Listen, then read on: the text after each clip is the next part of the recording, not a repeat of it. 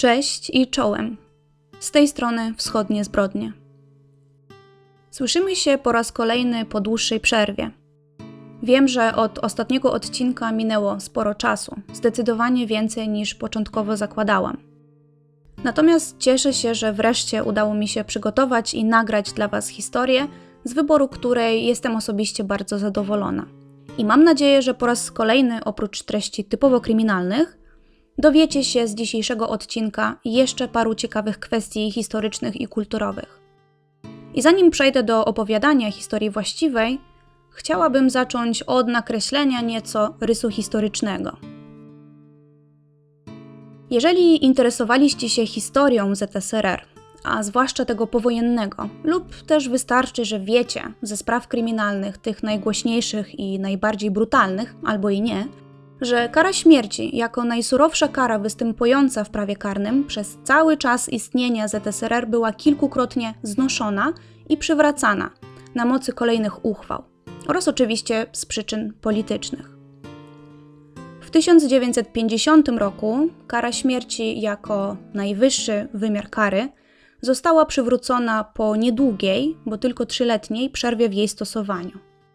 Trzy lata wcześniej, w 1947 roku, karę śmierci za największe i najbardziej potępiane zbrodnie zastąpiły wyroki dożywocia, a spowodowana ta zmiana była katastrofalnie wielkimi stratami ludzkimi po II wojnie światowej i Wielkiej wojnie ojczyźnianej. W 1950 roku ukazem Prezydium Rady Najwyższej ZSRR kara śmierci została wprowadzona do prawa karnego ponownie i była przewidziana za takie przestępstwa jak zdrada ojczyzny, dywersja, szpiegostwo czy zabójstwo. Lista przestępstw później została nieco poszerzona o kolejne, takie jak przywłaszczenie mienia społecznego, przestępstwa wojskowe, fałszowanie pieniędzy czy na przykład przyjęcie łapówki.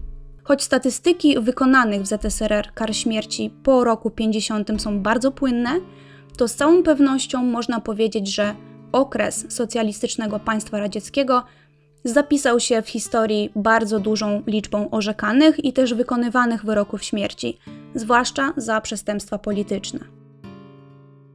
Mimo ogólnych statystyk, istnieje dość powszechny mit na temat skazywania kobiet na karę śmierci w powojennym Związku Radzieckim. Kobiety miały od zawsze być traktowane nieco łagodniej, ponieważ istniało powszechne przekonanie, że sowieckie kobiety, wierne socjalizmowi idealne matki i żony, nie są po prostu zdolne do popełnienia czynów tak okrutnych i karygodnych, że mogły zasługiwać na najwyższy wymiar kary. Z prawdą ten mit pokrywa się tylko częściowo. E, kobiety w ZSRR skazywano na karę śmierci tak samo jak i mężczyzn, zgodnie z czynami, za które przewidziana była egzekucja. Natomiast wykonanie kary śmierci na kobiecie, przynajmniej według wszystkich ogólnodostępnych statystyk, miało miejsce w powojennym Związku Radzieckim jedynie trzy razy. W pozostałych przypadkach wyroki kary śmierci wobec kobiet zmieniano na dożywocie albo kary izolacji w obozach poprawczych z obowiązkiem pracy. Te trzy kobiety, które wbrew panującej ówcześnie tendencji zastąpienia kary śmierci łagodniejszym wyrokiem, nigdy nie doczekały się ułaskawienia i zostały stracone. I właśnie o jednej z trzech kobiet i zarazem ostatniej, na której taki wyrok został wykonany, opowiem Wam w dzisiejszym odcinku. Na potrzebę opowieści przenosimy się do Kijowa, stolicy sowieckiej Ukrainy. Wczesną wiosną 1988 roku, a dokładniej w połowie marca, do jednego ze szpitali rejonowych miasta trafiło od razu kilkanaście osób w bardzo ciężkim stanie – trzech nastolatków oraz 11 dorosłych. Wszyscy z objawami ciężkiego przebiegu grypy. Chorzy zdawali się mieć bardzo podobne do siebie objawy i skarżyli się m.in. na silny ból głowy i mięśni, wysoką gorączkę, mdłości i ogólne osłabienie. Ponieważ stan nowo przybyłych pacjentów pogarszał się z godziny na godzinę, lekarze podejrzewali, że przyczyną tak złego samopoczucia może być nowy, nieznany im dotąd wariant grypy. Pomimo zastosowanego leczenia, stan pacjentów niestety się nie poprawił, a do ich objawów dołączyły wymioty, biegunka, pigmentacja skóry i nadmierne drżenie rąk i nóg. Te nowe objawy, które można było zaobserwować u pacjentów, zarówno dzieci, jak i dorosłych, uznano za te towarzyszące silnemu zatruciu pokarmowemu. Zakładano na początku trujące grzyby czy na przykład chemikalia. Podjęto decyzję, by wszystkich chorych przetransportować do głównego szpitala zakaźnego w mieście, gdzie zostaną oni odpowiednio przebadani i zostanie im udzielona pomoc medyczna. Nie było to jednak takie proste, bo szybko się okazało, że objawy występujące u chorych są jeszcze bardziej nietypowe i nie pasują ani do grypy, ani infekcji, czy też zatrucia pokarmowego. Bo między innymi chorzy zaczęli skarżyć się na utratę czucia w kończynach dolnych, a po kilku dniach zaczęli łysieć, a włosy wypadały garściami zarówno dorosłym, jak i dzieciom. Wieść o tych nietypowych i niebezpiecznych objawach, zaobserwowanych od razu u kilkunastu osób, szybko rozeszła się po mieście. Oczywiście rozpoczęło się też dochodzenie i podczas prób ustalenia przez śledczych, co łączy te wszystkie przywiezione osoby, czy też kim był tak zwany pacjent zero, dość szybko udaje się ustalić, że mianownikiem wspólnym jest szkoła nr 16 w mińskim rejonie Kijowa. Dzieci przybywające w szpitalu zakaźnym w ciężkim stanie były uczniami tej szkoły, a dorośli albo jej pracownikami, nauczycielami, albo po prostu przebywali w ciągu kilku ostatnich dni w szkole. Te przerażające i tak naprawdę nie dające się do końca sklasyfikować objawy wywołują niepokój wśród lekarzy i naprowadzają ich na taką myśl, że być może za stan chorych odpowiedzialne jest promieniowanie. W końcu od katastrofy w czarnobylskiej elektrowni jądrowej minął dopiero rok. Te podejrzenia, co prawda jeszcze niczym nie poparte, niestety dość szybko przedostają się poza mury szpitala i w mieście zaczyna robić się niespokojnie. Mieszkańcy Kijowa, i trudno im się dziwić, są przerażeni. Rodzice nie puszczają dzieci do szkół, gazety zaczynają się rozpisywać o ognisku zakażenia chorobą popromienną, a w dodatku dwóch z przybywających w szpitalu uczniów, kilkunastoletnich chłopców, niestety umiera. A ponieważ dopóki promieniowanie nie zostało wykluczone jako bezpośrednia przyczyna śmierci chłopców oraz coraz bardziej pogarszającego się stanu reszty, o zdarzeniu zostały poinformowane nawet władze w Moskwie. Zostało też wszczęte śledztwo i utworzona w tym celu specjalna grupa. Ludzie w białych kitlach, maskach gazowych i też zaopatrzeni w liczniki Geigera udają się do szkoły podstawowej nr 16 i przetrząsają cały budynek. Wszystkie sale lekcyjne, halę sportową, toalety, przebieralnie, stołówkę, ale liczniki milczały. Nie znaleziono nic podejrzanego, więc wersja z promieniowaniem swojego potwierdzenia nie znalazła. Lekarze zajmujący się pacjentami, którzy w tym momencie już naprawdę walczą o życie z ostatnich sił, nie wiedzą, na co właściwie powinni ich leczyć, więc wciąż podają im leki na grypę, robią przeczyszczenie żołądka, podają preparaty na zwiększenie odporności, ponieważ zwyczajnie nie mają w tym momencie już pomysłu, w jaki sposób mogą tym biednym ludziom pomóc. Śledczy wracają do punktu wyjścia. Nie znaleźli żadnego śladu ani nic podejrzanego w budynku szkolnym, więc próbują znaleźć inne możliwe przyczyny dziwnej choroby, która jednocześnie zaatakowała kilkanaście osób.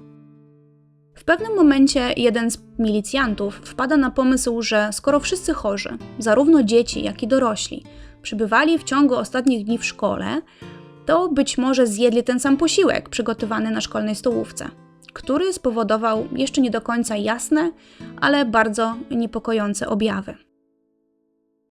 Szkołę postanowiono sprawdzić ponownie, ale tym razem skupiając się tylko i wyłącznie na tym, co gotowano i podawano na stołówce w ciągu kilku ostatnich dni. Czy wszystkie przechowywane tam produkty były świeże i kupowane od zaufanych, sprawdzonych dostawców. W międzyczasie Mm, część chorych przybywających w szpitalu w ciężkim stanie była w stanie opowiedzieć milicjantom, że poczuli się źle dokładnie po tym, jak 16 marca 1987 roku zjedli w szkolnej stołówce wątróbkę drobiową podawaną z kaszą gryczaną. Akurat takie danie serwowano tego dnia na obiad. Co ciekawe, przybywający w szpitalu uczniowie i dorośli zeznali, że z różnych powodów tamtego dnia zjedli obiad na stołówce później niż cała reszta uczniów i nauczycieli. Podejrzewam, że działało to na takiej zasadzie, że cała szkoła miała przerwę obiadową o określonej godzinie w trakcie dłuższej przerwy między lekcjami, a spóźnialskim pani kucharka mogła wydać należną porcję później.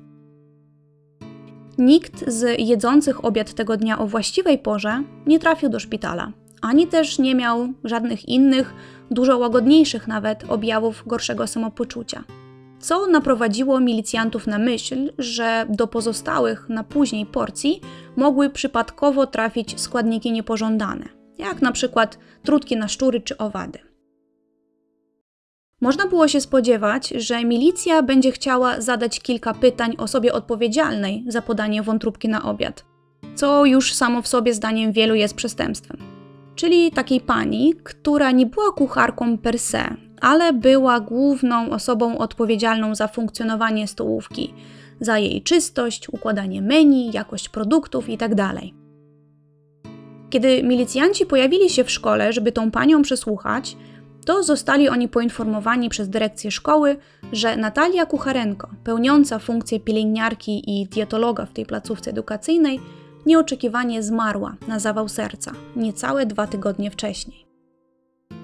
Ten dziwny zbieg okoliczności, który wzmożony był w dodatku faktem, że kobieta była zdrowa, w średnim wieku i na nic poważnego nie chorowała, doprowadził do decyzji o ekshumację jej ciała w celu jego zbadania E, na przedmiot ustalenia, czy faktycznie przyczyną śmierci był zawał serca, czy inna choroba, czy być może kobieta mogła przed śmiercią również mieć objawy, objawy zatrucia, podobne do tych zaobserwowanych u przybywających w szpitalu. Wyniki ekshumacji zszokowały śledczych, bo w tkankach mięśniowych ciała zmarłej Natalii znaleziono ślady talu, silnie toksycznego pierwiastka chemicznego. Ponieważ nie wszyscy, łącznie ze mną, mogą się pochwalić obszerną wiedzą z zakresu chemii, to powiem tylko tyle o talu, że obecnie ma on zastosowanie przy produkcji barwników jubilerskich, w termometrach y, do mierzenia niskich temperatur, y, w jakichś czujnikach i soczewkach optycznych. Jednak bardziej znany tal jest jednak jako bardzo niebezpieczna i mordercza trucizna. 1 gram soli talu jest dawką wystarczającą, by zabić dorosłego, zdrowego człowieka. W dodatku tal jest trucizną komórkową i po przedostaniu się do organizmu jest roznoszony, dystrybuowany wewnątrzkomórkowo do wszystkich tkanek ciała. A najwyższe stężenia talu pojawiają się w nerkach, kościach, żołądku, jelicie cienkim i grubym, śledzionie, wątrobie, mózgu, płucach, czyli dosłownie wszędzie. Pierwsze objawy zatrucia talem występują już po trzech godzinach. Wtedy rzeczywiście te objawy można pomylić z zatruciem pokarmowym. Natomiast później, po kilkunastu godzinach, występuje dezorientacja, drgawki, psychoza, wypadanie włosów, porażenie mięśni ocznych. E, może także wystąpić martwica mięśnia sercowego, bradykardia i hipotensja. I myślę, że z powodu właśnie tych ostatnich objawów za przyczynę śmierci Natalii Kucharenko uznano zawał serca. Idąc tym tropem, przebadane na obecność talu zostały również ciała dwóch uczniów szkoły, którzy zmarli w szpitalu. I w ten sposób przyczyna zgonu chłopców oraz ciężkiego stanu reszty była jasna. Mimo, że obecność toksycznego talu w ciele Natalii Kucharenko zszokowała i przeraziła śledczych, to ponieważ nigdy wcześniej w historii Związku Radzieckiego, przynajmniej według źródeł, nie były odnotowane sytuacje, w których do otrucia ofiary użyto tego pierwiastka, początkowo nie zakładano umyślnego dosypania talu do jedzenia lub picia. Za najbardziej prawdopodobną i prozaiczną wersję Śledczy uznali przypadkowe przedostanie się talu do jedzenia, na przykład w trakcie ostatniego zabiegu zwalczania gryzoni w budynku szkolnym.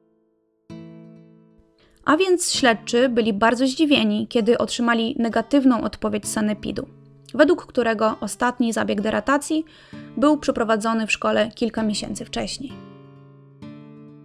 Specjaliści chemicy, śledczy i milicjanci zaczęli więc po raz kolejny, krok po kroku i bardzo dokładnie sprawdzać szkolną stołówkę w nadziei na znalezienie jakiejkolwiek wskazówki, która pomogłaby wyjaśnić okoliczności śmierci Natalii Kucharenko, dwóch uczniów szkoły oraz ciężki stan kilkunastu innych poszkodowanych, którzy ucierpieli po skosztowaniu śmiercionośnego obiadu. Przeszukano każde pomieszczenie.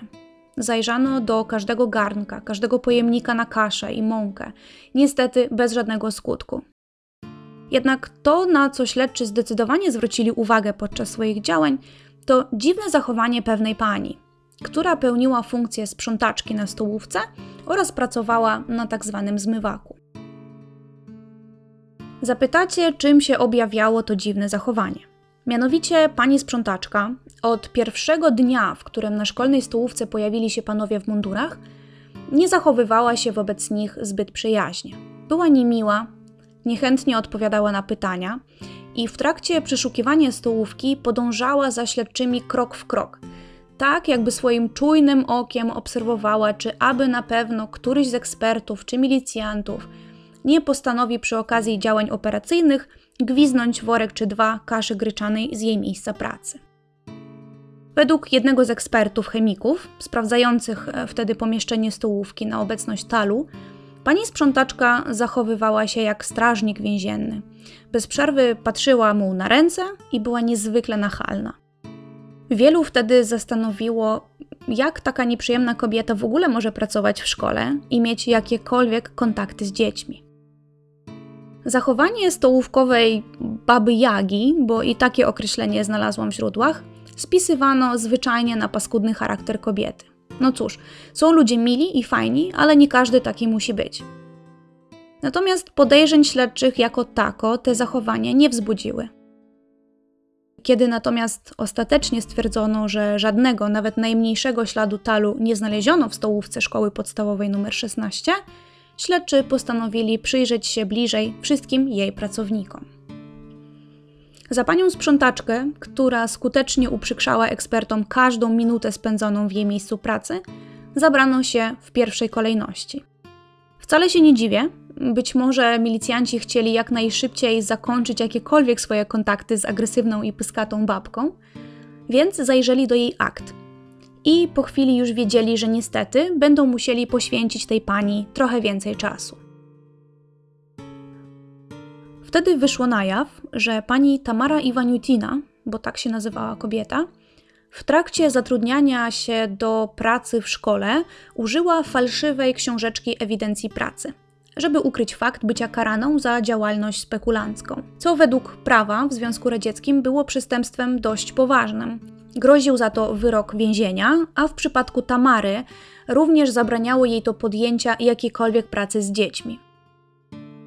W dodatku okazało się, że w historii rodziny Tamary, w ostatnich latach zwłaszcza, miała miejsce seria bardzo dziwnych, nagłych i niewyjaśnionych zgonów członków rodziny, w tym jej byłego męża i krewnych. A kiedy stróże prawa wraz z chemikami postanowili odwiedzić dom Tamary w celu zadania jej kilku dodatkowych pytań i przeszukania, to byli bardzo zdziwieni i przerażeni nawet, kiedy drzwi milicjantom otworzył jej mąż, kompletnie łysy i ledwo trzymający się na nogach. Przeszukanie domu Tamary Iwaniutinej, którego przebieg kobieta, jak możemy się domyślać, znowu skutecznie utrudniała, przepychając się wręcz ze śledczymi i nie pozwalając im na otwieranie kolejnych szafek i pudeł w jej mieszkaniu, zakończyło się odnalezieniem małej, niepozornej, ale dużo cięższej niż być powinna buteleczki, której zawartość stanowił śmiertelny jad. Roztwór wodny talu, inaczej zwany roztworem Clerici. Śledczy mieli już opuszczać mieszkanie Tamary, kiedy wzrok pani Walentyny Kałaczikowej, ekspertki chemika, która towarzyszyła śledczym, padł na niewielką szafkę, stojącą przy oknie i zamkniętą na klucz. Iwaniutina, poproszona o otwarcie tej szafki, wysyczała do śledczych, że to tylko zwykła maszyna do szycia, którą dostała od teściowej. Ale kiedy śledczy zaczęli nalegać na otwarciu szafki, Tamara rzuciła kluczyki Walentynie i odpowiedziała coś w stylu: Sama se otwórz. No i w ten sposób doszło do odnalezienia w domu Tamary Iwaniutinej buteleczki z trującym roztworem Clerici. Kobietę aresztowano, postawiono zarzuty otrucia kilkunastu osób ze skutkiem śmiertelnym w przypadku dwóch uczniów szkoły, w której pracowała, oraz Natalii Kucharenko. Okrzykniętą trucicielką z Kijowa Tamarę Iwaniutiną zamknięto w areszcie. Śledczy zabrali się za zbieranie dowodów, przypytywanie świadków i, co najważniejsze, to próbowali odpowiedzieć na pytanie o motyw, jakim kierowała się zwykła pomywaczka Tamara.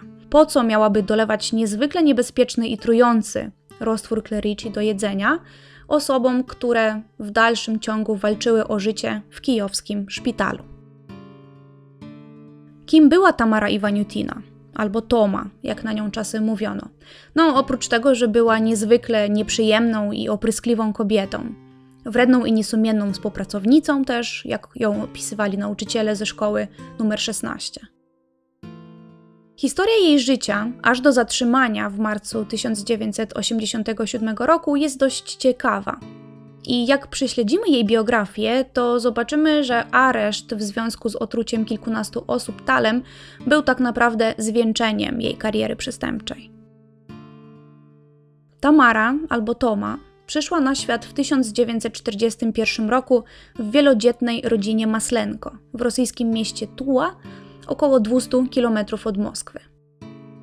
Oprócz Tamary, jej rodzice wychowywali jeszcze pięcioro dzieci, a sytuacja finansowa rodziny była bardzo nieciekawa. O wczesnym życiu Tamary źródła, do których dotarłam, niestety milczą. Natomiast myślę, że można tutaj pozwolić sobie na pewne domysły i spekulacje co do tego, jak to życie wyglądało. A żeby to zrobić, to proponuję zobrazować nieco codzienność, w której dorastała Tamara, oczywiście na tyle, o ile to jest możliwe. Żeby to zrobić, trzeba wziąć pod uwagę dwie rzeczy. Po pierwsze, jak wyglądało życie sowieckich rodzin w mieszkaniach komunalnych, a w takim właśnie mieszkała Toma z rodzicami, a po drugie, jakimi ludźmi byli jej rodzice, Anton i Maria Maslenko, których wychowywanie, jak się okaże, będzie miało na Tamarę ogromny wpływ. Jako, że bardzo lubię w swoich podcastach przemycać różne historyczne ciekawostki, to tym razem pozwolę sobie na dygresję związaną z historią i funkcjonowaniem mieszkań komunalnych w ZSRR. Temat iście bardzo ciekawy. A więc mieszkania komunalne, zwane również komunałkami. To typ mieszkań kilkupokojowych, najczęściej znajdujących się w starych kamienicach, które podzielono umownie na kilka mniejszych. Każdy z osobnych pokoi w takim mieszkaniu zamieszkiwała inna rodzina, a pomieszczenia takie jak kuchnia, łazienka czy przedpokój pozostawały wspólne. Czyli taki akademik, powiedzmy. Typowa komunałka w ZSRR to przedługi korytarz z jednym oknem na końcu i dwa rzędy pokoi po obu stronach tego korytarza. A całe to mieszkanie mogło jednocześnie zamieszkiwać nawet ponad 20 osób, kilka rodzin, które codziennie rano, jak sobie wyobrażam, staczały walkę o jedyną w lokum toaletę. Pomysł na mieszkania komunalne który się zrodził w głowach rządzących krajem już na początku istnienia Związku Radzieckiego, miał na celu po pierwsze zapewnić wszystkim rodzinom, nawet najmniej majętnym, miejsce do zamieszkania, a po drugie jawił się ucieleśnieniem marzenia o równości, a więc stała za tym cała filozofia. Rozsiedlenie rodzin sowieckich po mieszkaniach komunalnych rozpoczęło się już po rewolucji 17 roku a sam pomysł był mocno romantyzowany. Żyjąc obecnie w czasach, w których posiadanie własnego domu czy mieszkania jest rzeczą jak najbardziej naturalną, trudno sobie wyobrazić, że kiedyś, w trakcie codziennego korzystania z łazienki, można było doświadczyć sytuacji, w której sąsiad z pokoju obok bez żadnych skrupułów mógł zacząć walić w drzwi i domagać się natychmiastowej ewakuacji z tejże łazienki a taka ciekawska sąsiadka mogła w każdej chwili zajrzeć ci do stojącego na wspólnej kuchence, we wspólnej kuchni, garnka z zupą. Do tego bardzo odczuwalny brak miejsca na przechowywanie czegokolwiek. Wszędzie rozstawione przeróżne przedmioty, którymi były zastawione wspólne pomieszczenia, dzieci biegające po wspólnym korytarzu, codzienna walka o miejsce na blacie kuchennym, pranie rozwieszone na sznurkach na wspólnym balkonie i wiecznie dzwoniący wspólny telefon stacjonarny. E, bardzo realistycznie i szczegółowo e, taką codzienność w komunałce opisał Michał Bułgakow w Mistrzu i Małgorzacie. Więc dla większego zrozumienia i pobudzenia wyobraźni na ten temat polecam wrócić do tej wspaniałej lektury. Bardzo często rodziny zamieszkujące wspólne mieszkanie komunalne potrafiły żyć ze sobą w zgodzie, pomagać sobie nawzajem w codziennych obowiązkach, opiekować się całą gromadką swoich i nie swoich dzieci, a nawet spędzać wspólnie wolny czas. Zdarzało się, że mieszkańcy komunałek nawet razem spędzali święta. Wymieniali się prezentami, a dzieci recytowały wiersze przed zebranymi w kuchni czy korytarzu dorosłymi. A wspomniana wcześniej równość polegać miała m.in. na tym, że w identycznych warunkach pod jednym dachem mieszkali pracownicy fabryk, alkoholicy i profesorowie.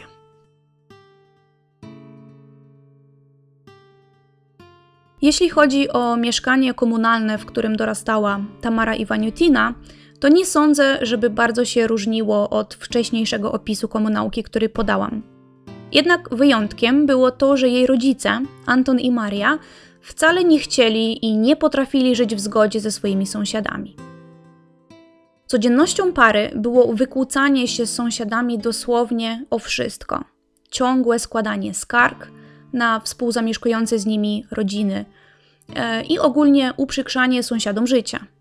Jednocześnie rodzice Tamary wychowywali ją i jej rodzeństwo w przekonaniu, że warunki finansowe i mieszkaniowe ich rodziny są jakąś okropną pomyłką. Zasługują na dużo więcej i należy im się wygodniejsze życie na poziomie. Najważniejszym celem w życiu jest wyrwanie się z biedy i zapewnienie sobie jak największej ilości dóbr materialnych, niezależnie od tego, jakim kosztem miałoby się to odbyć. Skalą osiągniętego życiowego sukcesu i główną ambicją rodziny było bogactwo i dobrobyt. Te słowa, jak mantrę, powtarzali rodzice Tamary swoim dzieciom. I jak się okaże, dzieci wezmą sobie te słowa mocno do serca. Kiedy powiedziałam, że motywem przewodnim rodziców Tamary było osiągnięcie własnych celów, niezależnie od tego, jakim kosztem te cele miałyby być osiągnięte, miałam na myśli to, że Anton i Maria Maslenko przez większość swojego życia systematycznie podtruwali własnych sąsiadów. Ojciec Tamary nie miał skrupułów, by dosypać nieco trucizny do jedzenia komuś, za kim nie przypadał, a matka żyła w zgodzie z mądrością życiową własnego autorstwa, według e, której trzeba było zdobywać przychylność i zaufanie odpowiednich osób i te osoby częstować, ale do poczęstunku osobom sobie nieprzychylnym należało również dodać nieco trucizny. Myślę, że trudno by było odpowiedzieć na pytanie, skąd Anton i Maria Maslenko nabyli przekonania, że podtruwanie sąsiadów jest dobrym pomysłem na utrzymywanie poprawnych relacji sąsiedzkich i że postępując w ten sposób ich sytuacja życiowa nagle się poprawi. Natomiast odpowiedź na pytanie, skąd małżonkowie brali e, narzędzie zbrodni, jakim był roztwór Clerici, dość szybko udało się znaleźć. Małżeństwo przyjaźniło się z pewną kobietą, która pracowała w laboratorium Instytutu Geologii. Pani laborantka miała dostęp do roztworu Clerici, który jest mieszanką mrówczanu i malonianu talu dla osób znających chemię, a mieszanką dwóch trudnych w wymowie wyrazów dla mnie. Ten roztwór używany jest w geologii do e, badania gęstości względnej minerałów wobec gęstszych cieczy. Po przedostaniu się do ciała ludzkiego, roztwór Clerici wywołuje ciężkie zatrucie, któremu towarzyszą właśnie bóle stawów, zaburzenie snu, choroby nerek, serca i może to doprowadzić do śmierci. E, zresztą na początku odcinka już opisywałam, jakie męki przechodziły zatrute talem osoby, którym lekarze niestety nie byli w stanie pomóc. Po raz pierwszy działanie trucizny małżonkowie Maslenko postanowili sprawdzić na jednym ze swoich sąsiadów z komunałki, e, który zbyt głośno oglądał telewizor w godzinach nocnych i zakłócał sen wielodzietnej rodzinie Maslenko. Pewnego dnia Maria poczęstowała przygłuchego sąsiada zatrutymi pasztecikami własnej produkcji. I od tego czasu w komunałce zapanowała błoga cisza. Sąsiad zmarł w szpitalu. Nikt żadnych pytań w związku z jego zgonem nikomu też nie zadawał. Następną ofiarą małżeństwa była sąsiadka, która upomniała rodzinę o nieposprzątaną zgodnie z grafikiem, jak rozumiem, toaletę. I podobnie do pana od głośnego telewizora zmarła po tym, jak przyjęła mm, od Marii Maslenko ciasto. Kolejna ciekawa sytuacja.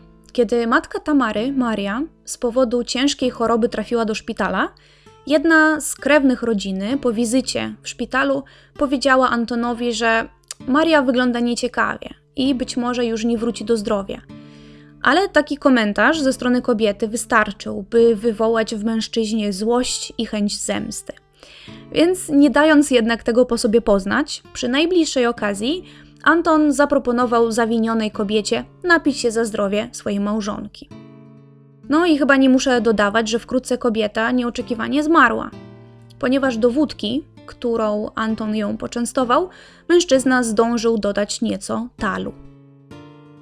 Zapytacie, co na to wszystko dzieci Antona i Marii? Czy zwracali uwagę na to, że niewygodni sąsiedzi bez zapowiedzi albo znikali ze wspólnej komunałki, albo co chwilę przychodziły wieści o śmierci krewnych lub znajomych?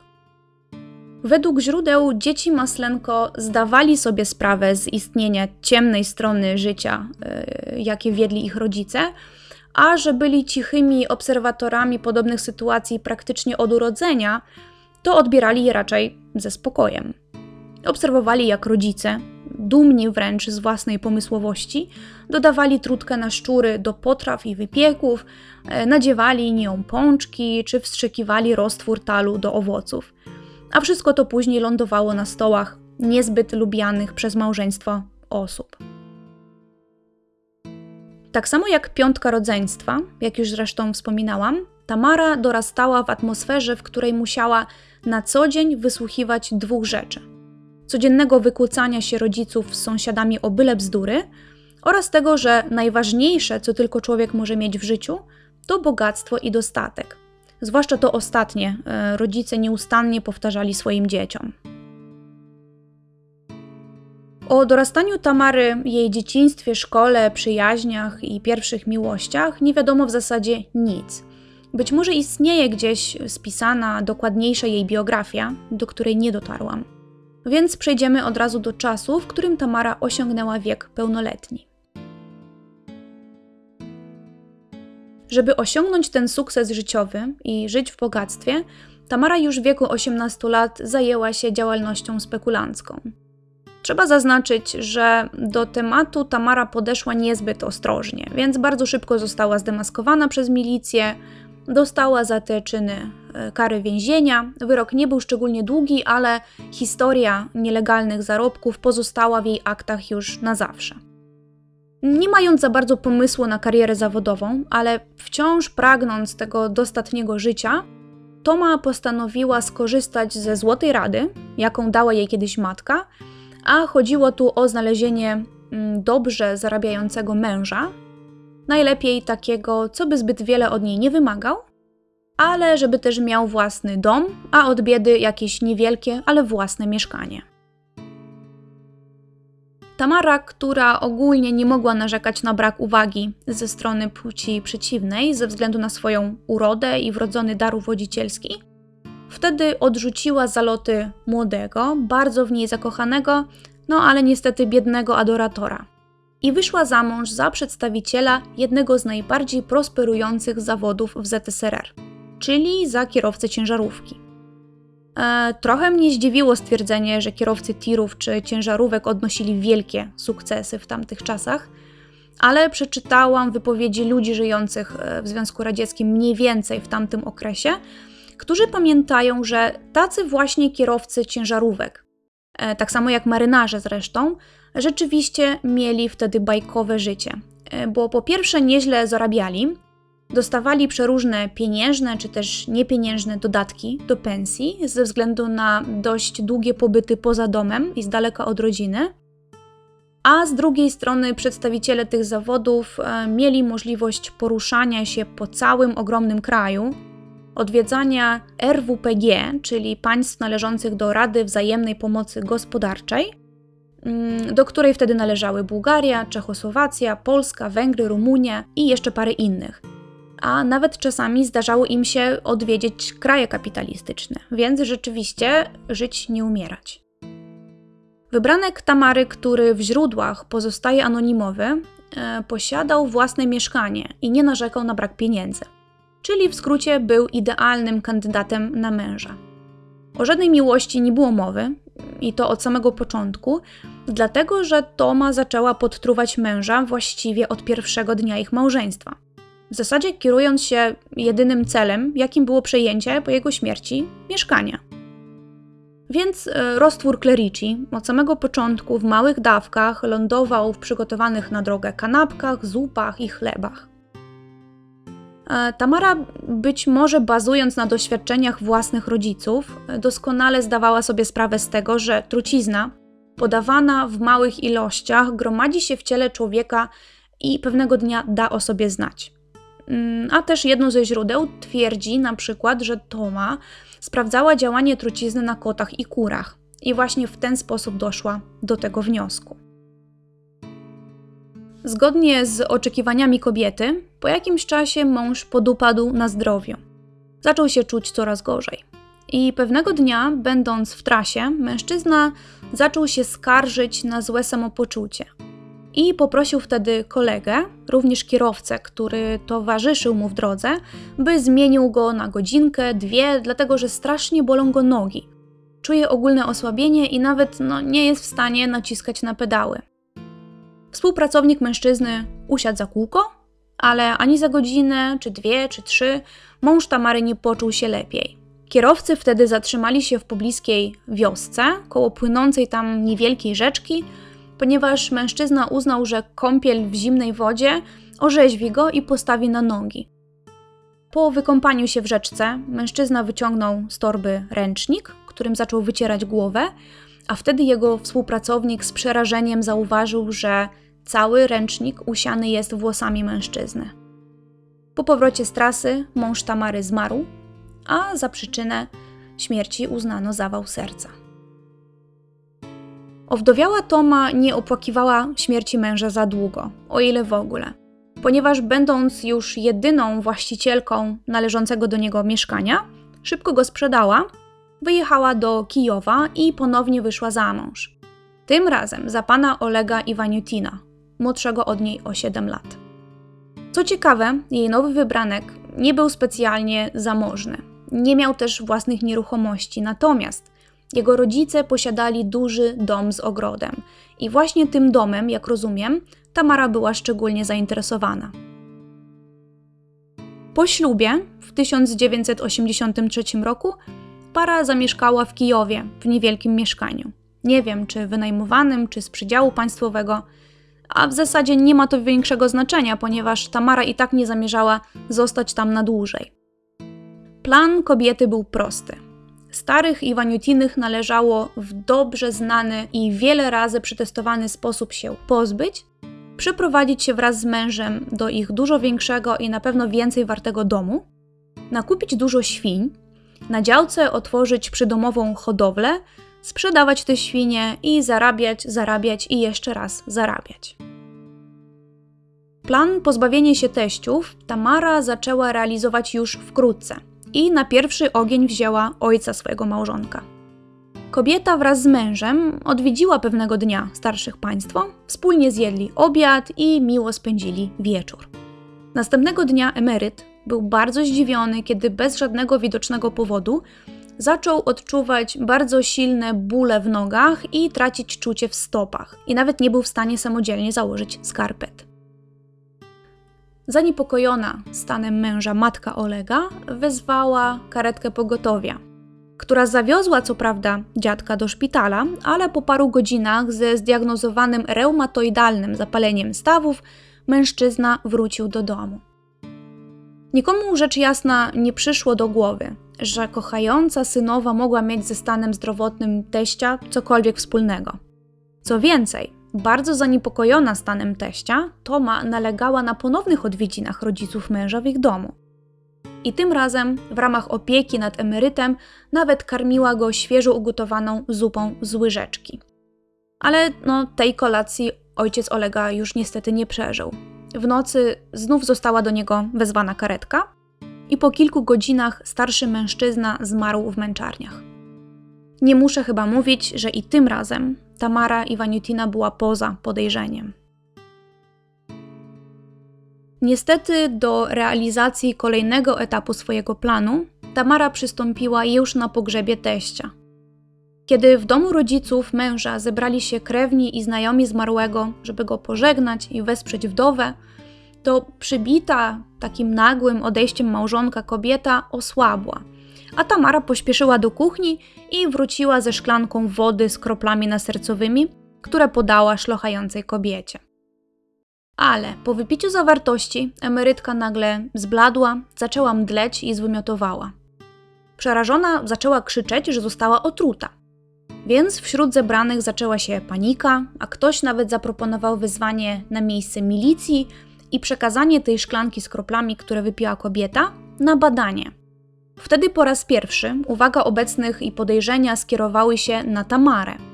Ale wtedy na pomoc kobiecie przyszedł jej mąż, Oleg, który rozgonił tłum, zaczął uspokajać matkę, więc jakoś się to rozeszło po kościach.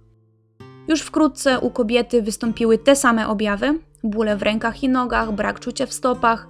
Kobieta miała trudności z mówieniem i poruszaniem się. I tego samego dnia, tego samego wieczoru właściwie, karetka przyjechała po nią, a po dwóch dniach starsza kobieta również zmarła w szpitalu. Kiedy oboje rodziców męża zostali pochowani, Tamara namówiła męża, by wreszcie wprowadzili się do ich domu, gdzie wkrótce na działce pojawiły się wspomniane wcześniej świnie, a chwilę później i kury.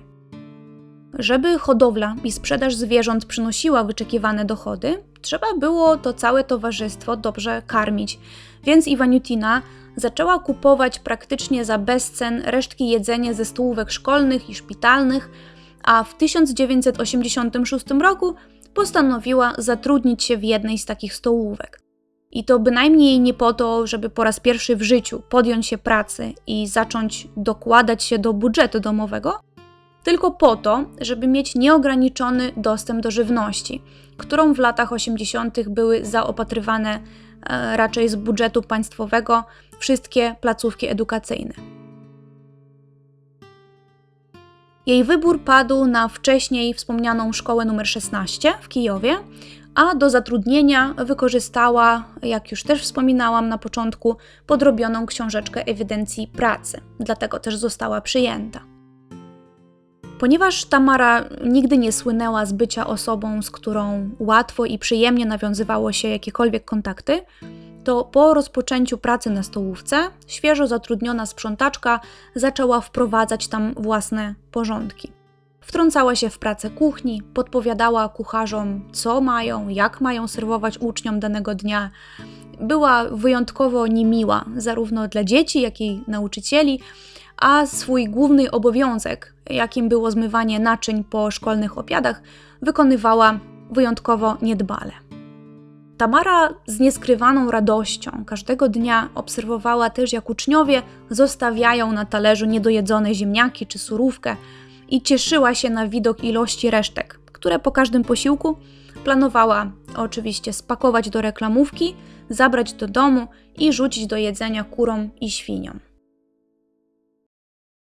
Według niektórych źródeł, co jakiś czas Tamara robiła co w jej mocy, żeby serwowane na stołówce obiady nie były zjadane przez uczniów i pracowników szkoły w całości. Przykładowo, w nocy na stołówce zupełnie przypadkowo mogła zostać odłączona od zasilania lodówka. Jedzenie się psuło, następnego dnia e, szło do kosza, a dla Tamary oznaczało to dodatkowy pokarm, bardzo przydatny dla jej przydomowej hodowli.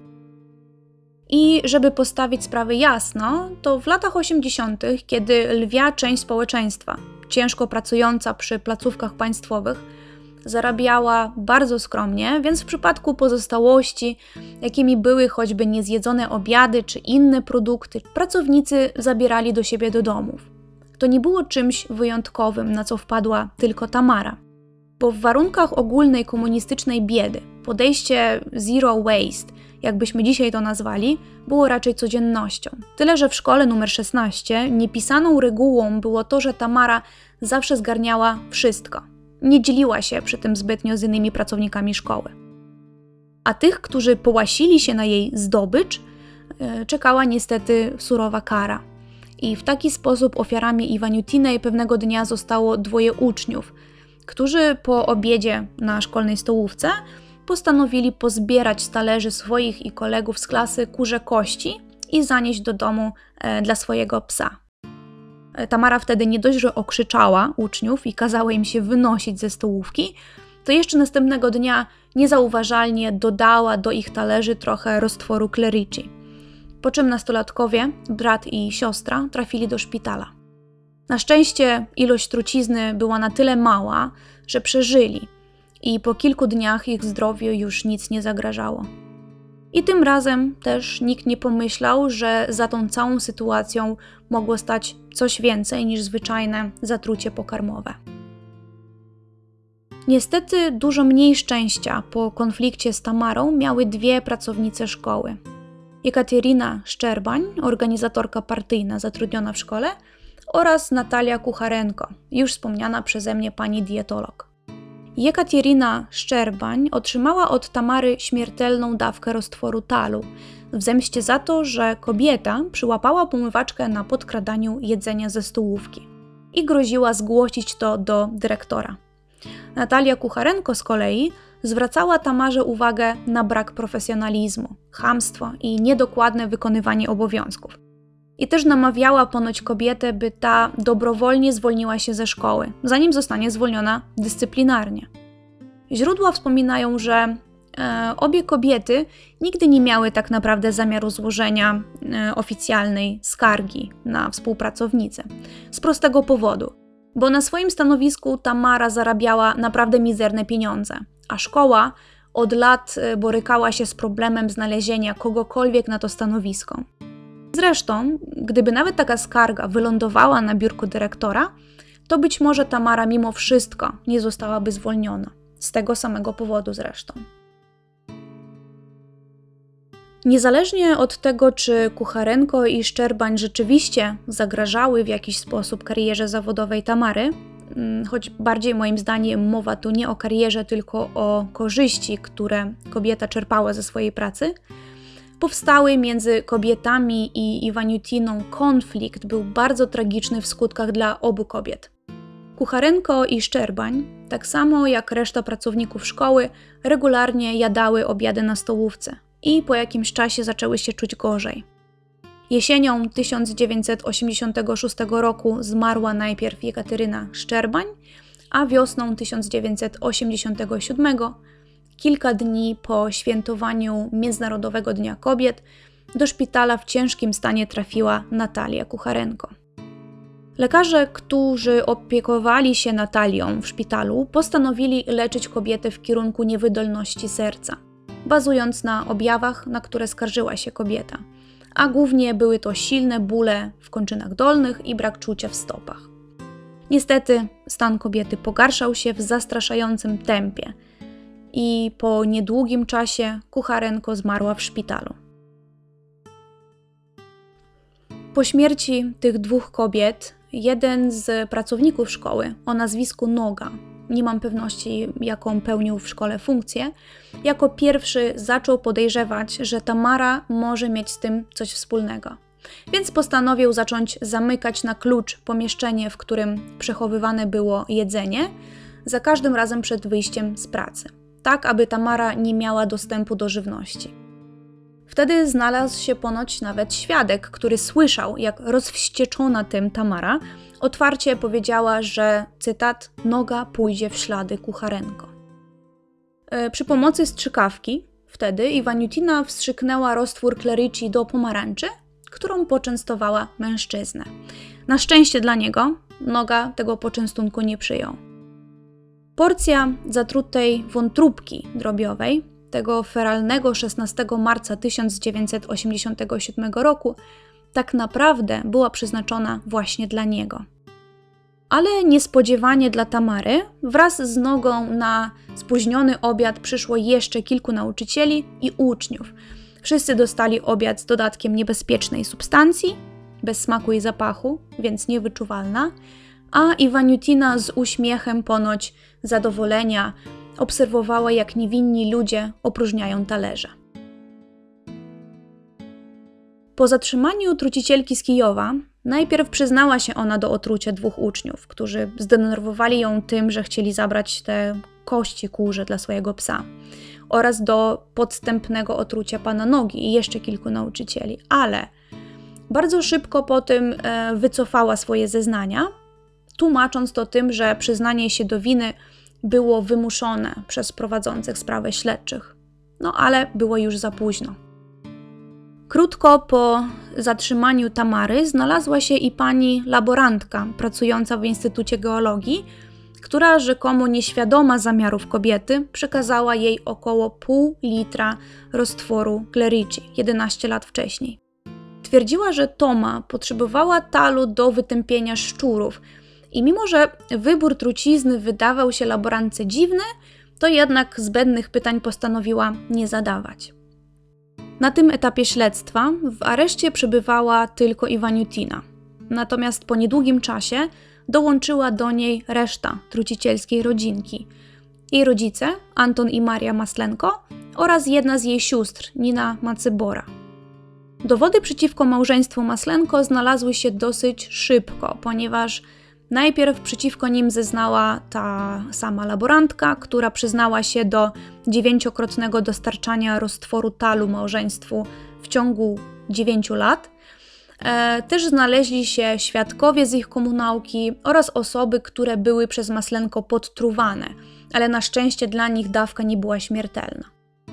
Jeśli chodzi o Ninę Macyborę, to w trakcie śledztwa udało się ustalić, że kobieta również aktywnie korzystała z właściwości roztworu Clerici i z jego pomocą wysłała niestety do zaświatów swojego 69-letniego męża, który przed swoją śmiercią zameldował małżonkę w swoim mieszkaniu. Więc widzimy tu pewne paralele, wspólne wątki, wszystko zostaje w rodzinie. Oliwy do ognia całej sytuacji dolała matka aresztowanej Tamary, Maria. Kiedy jej córka już przebywała w areszcie śledczym, zamiast się zaszyć, się nie wychylać, Maria próbowała otruć kolejną swoją sąsiadkę. Powodem była zwyczajna zawiść, bo tamta otrzymywała, e, według Marii oczywiście, zbyt wysoką rentę. Maria z rana napiekła racuchów i z uśmiechem na twarzy zaniosła sąsiadce. Całe szczęście tamta już była świadoma e, tego, że Toma przebywa w areszcie z zarzutami trucicielstwa, więc nie tknęła tych e, wypiechów. Ostatecznie racuchy wylądowały, nie wiem jak, ciężko mi powiedzieć, w misce kota, sąsiadki, i kiedy ta zmuszona była patrzeć, jak jej ukochane zwierzątko umiera w męczarniach, kobieta nie miała już złudzeń i zaniosła resztki na milicję. Oczywiście potwierdzona została obecność talu w racuchach, co poskutkowało właśnie aresztem Antona i Marii. Według wyników śledztwa, łącznie z rąk rodziny Maslenko ucierpiało 40 osób, z czego 13 to ofiary śmiertelne. I trzeba zaznaczyć, że z tej liczby aż 20 przypadków otrucia oraz 9 otruć ze skutkiem śmiertelnym było na koncie samej Tamary. Do procesu doszło niecały rok później. E, wtedy sala rozpraw Sądu Rejonowego w Kijowie była przepełniona. Obecni byli ludzie, którzy osobiście znali rodzinę, krewni oraz znajomi ofiar.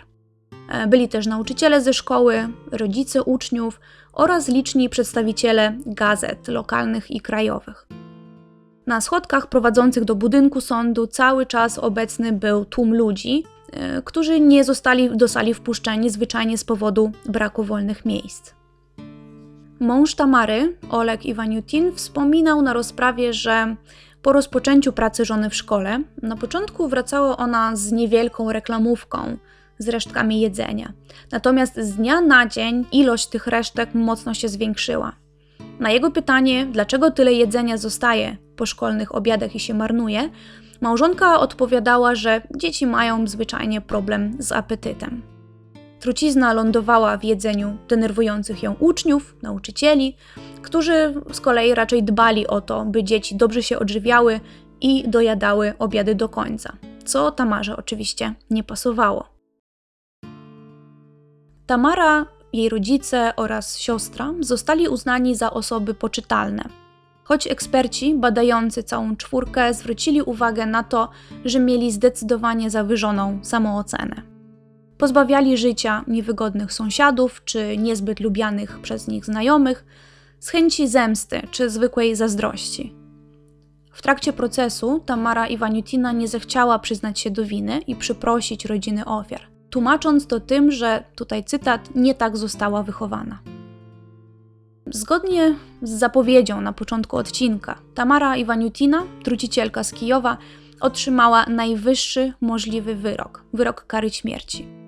Jak wspominałam o tym, że kobiety skazywane na karę śmierci w powojennym Związku Radzieckim praktycznie nigdy w rzeczywistości nie były rozstrzeliwane, to Tamara najwyraźniej też o tym wiedziała i do ostatniej chwili liczyła na zamianę kary śmierci na dożywocie. W pewnym momencie nawet obiecała śledczym y, jakieś góry złota, jeśli pomogą jej uniknąć egzekucji. Tak się jednak nie stało. Na Tamarze wykonano wyrok kary śmierci pod koniec 1987 roku w Łukianowskim areszcie śledczym w Kijowie. Jest ona trzecią i zarazem ostatnią kobietą przestępczynią w ZSRR, która została skazana na karę śmierci, a wyrok rzeczywiście został wykonany.